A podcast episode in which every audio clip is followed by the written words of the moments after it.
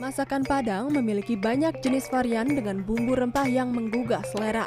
Tidak hanya rendang, beragam gulai dengan kuah santan berempah juga menjadi masakan otentik dari ranah Minang. Selain gulai ayam dan ikan, ada pula beragam gulai lain yang bisa menjadi pilihan. Berbagai jenis gulai mulai dari gulai tunjang dari kaki sapi, otak sapi, pucua ubi, hingga gulai rebung dapat kita temui di salah satu rumah makan Padang di daerah Ben Hill, Jakarta Selatan. Di sini gulai dijual mulai dari 18 hingga 23 ribu rupiah. Gulai tunjang memiliki kuah kuning yang cukup kental. Meski teksturnya kenyal, saat digigit tetap empuk. Selain itu, ini dia gulai otak dengan kuahnya yang pekat dan pedas. Hmm. Hmm.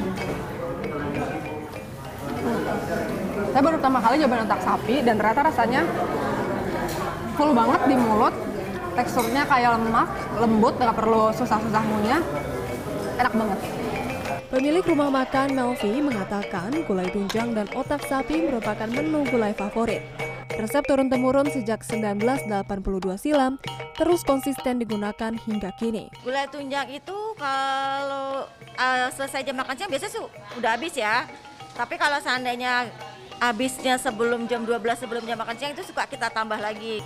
Selain itu ada pula menu gulai lain yang tak kalah unik, yakni gulai tambusu dari usus sapi, gajebo dari daging berbalut lemak sapi, cumi isi tahu, hingga gulai cincang berisi potongan daging campur hati dan lemak sapi. Hidangan ini dapat kita temui di salah satu rumah makan Padang di daerah Pasar Senen, Jakarta Pusat yang dijual seharga 18 hingga 25 ribu rupiah. Udah sering sih.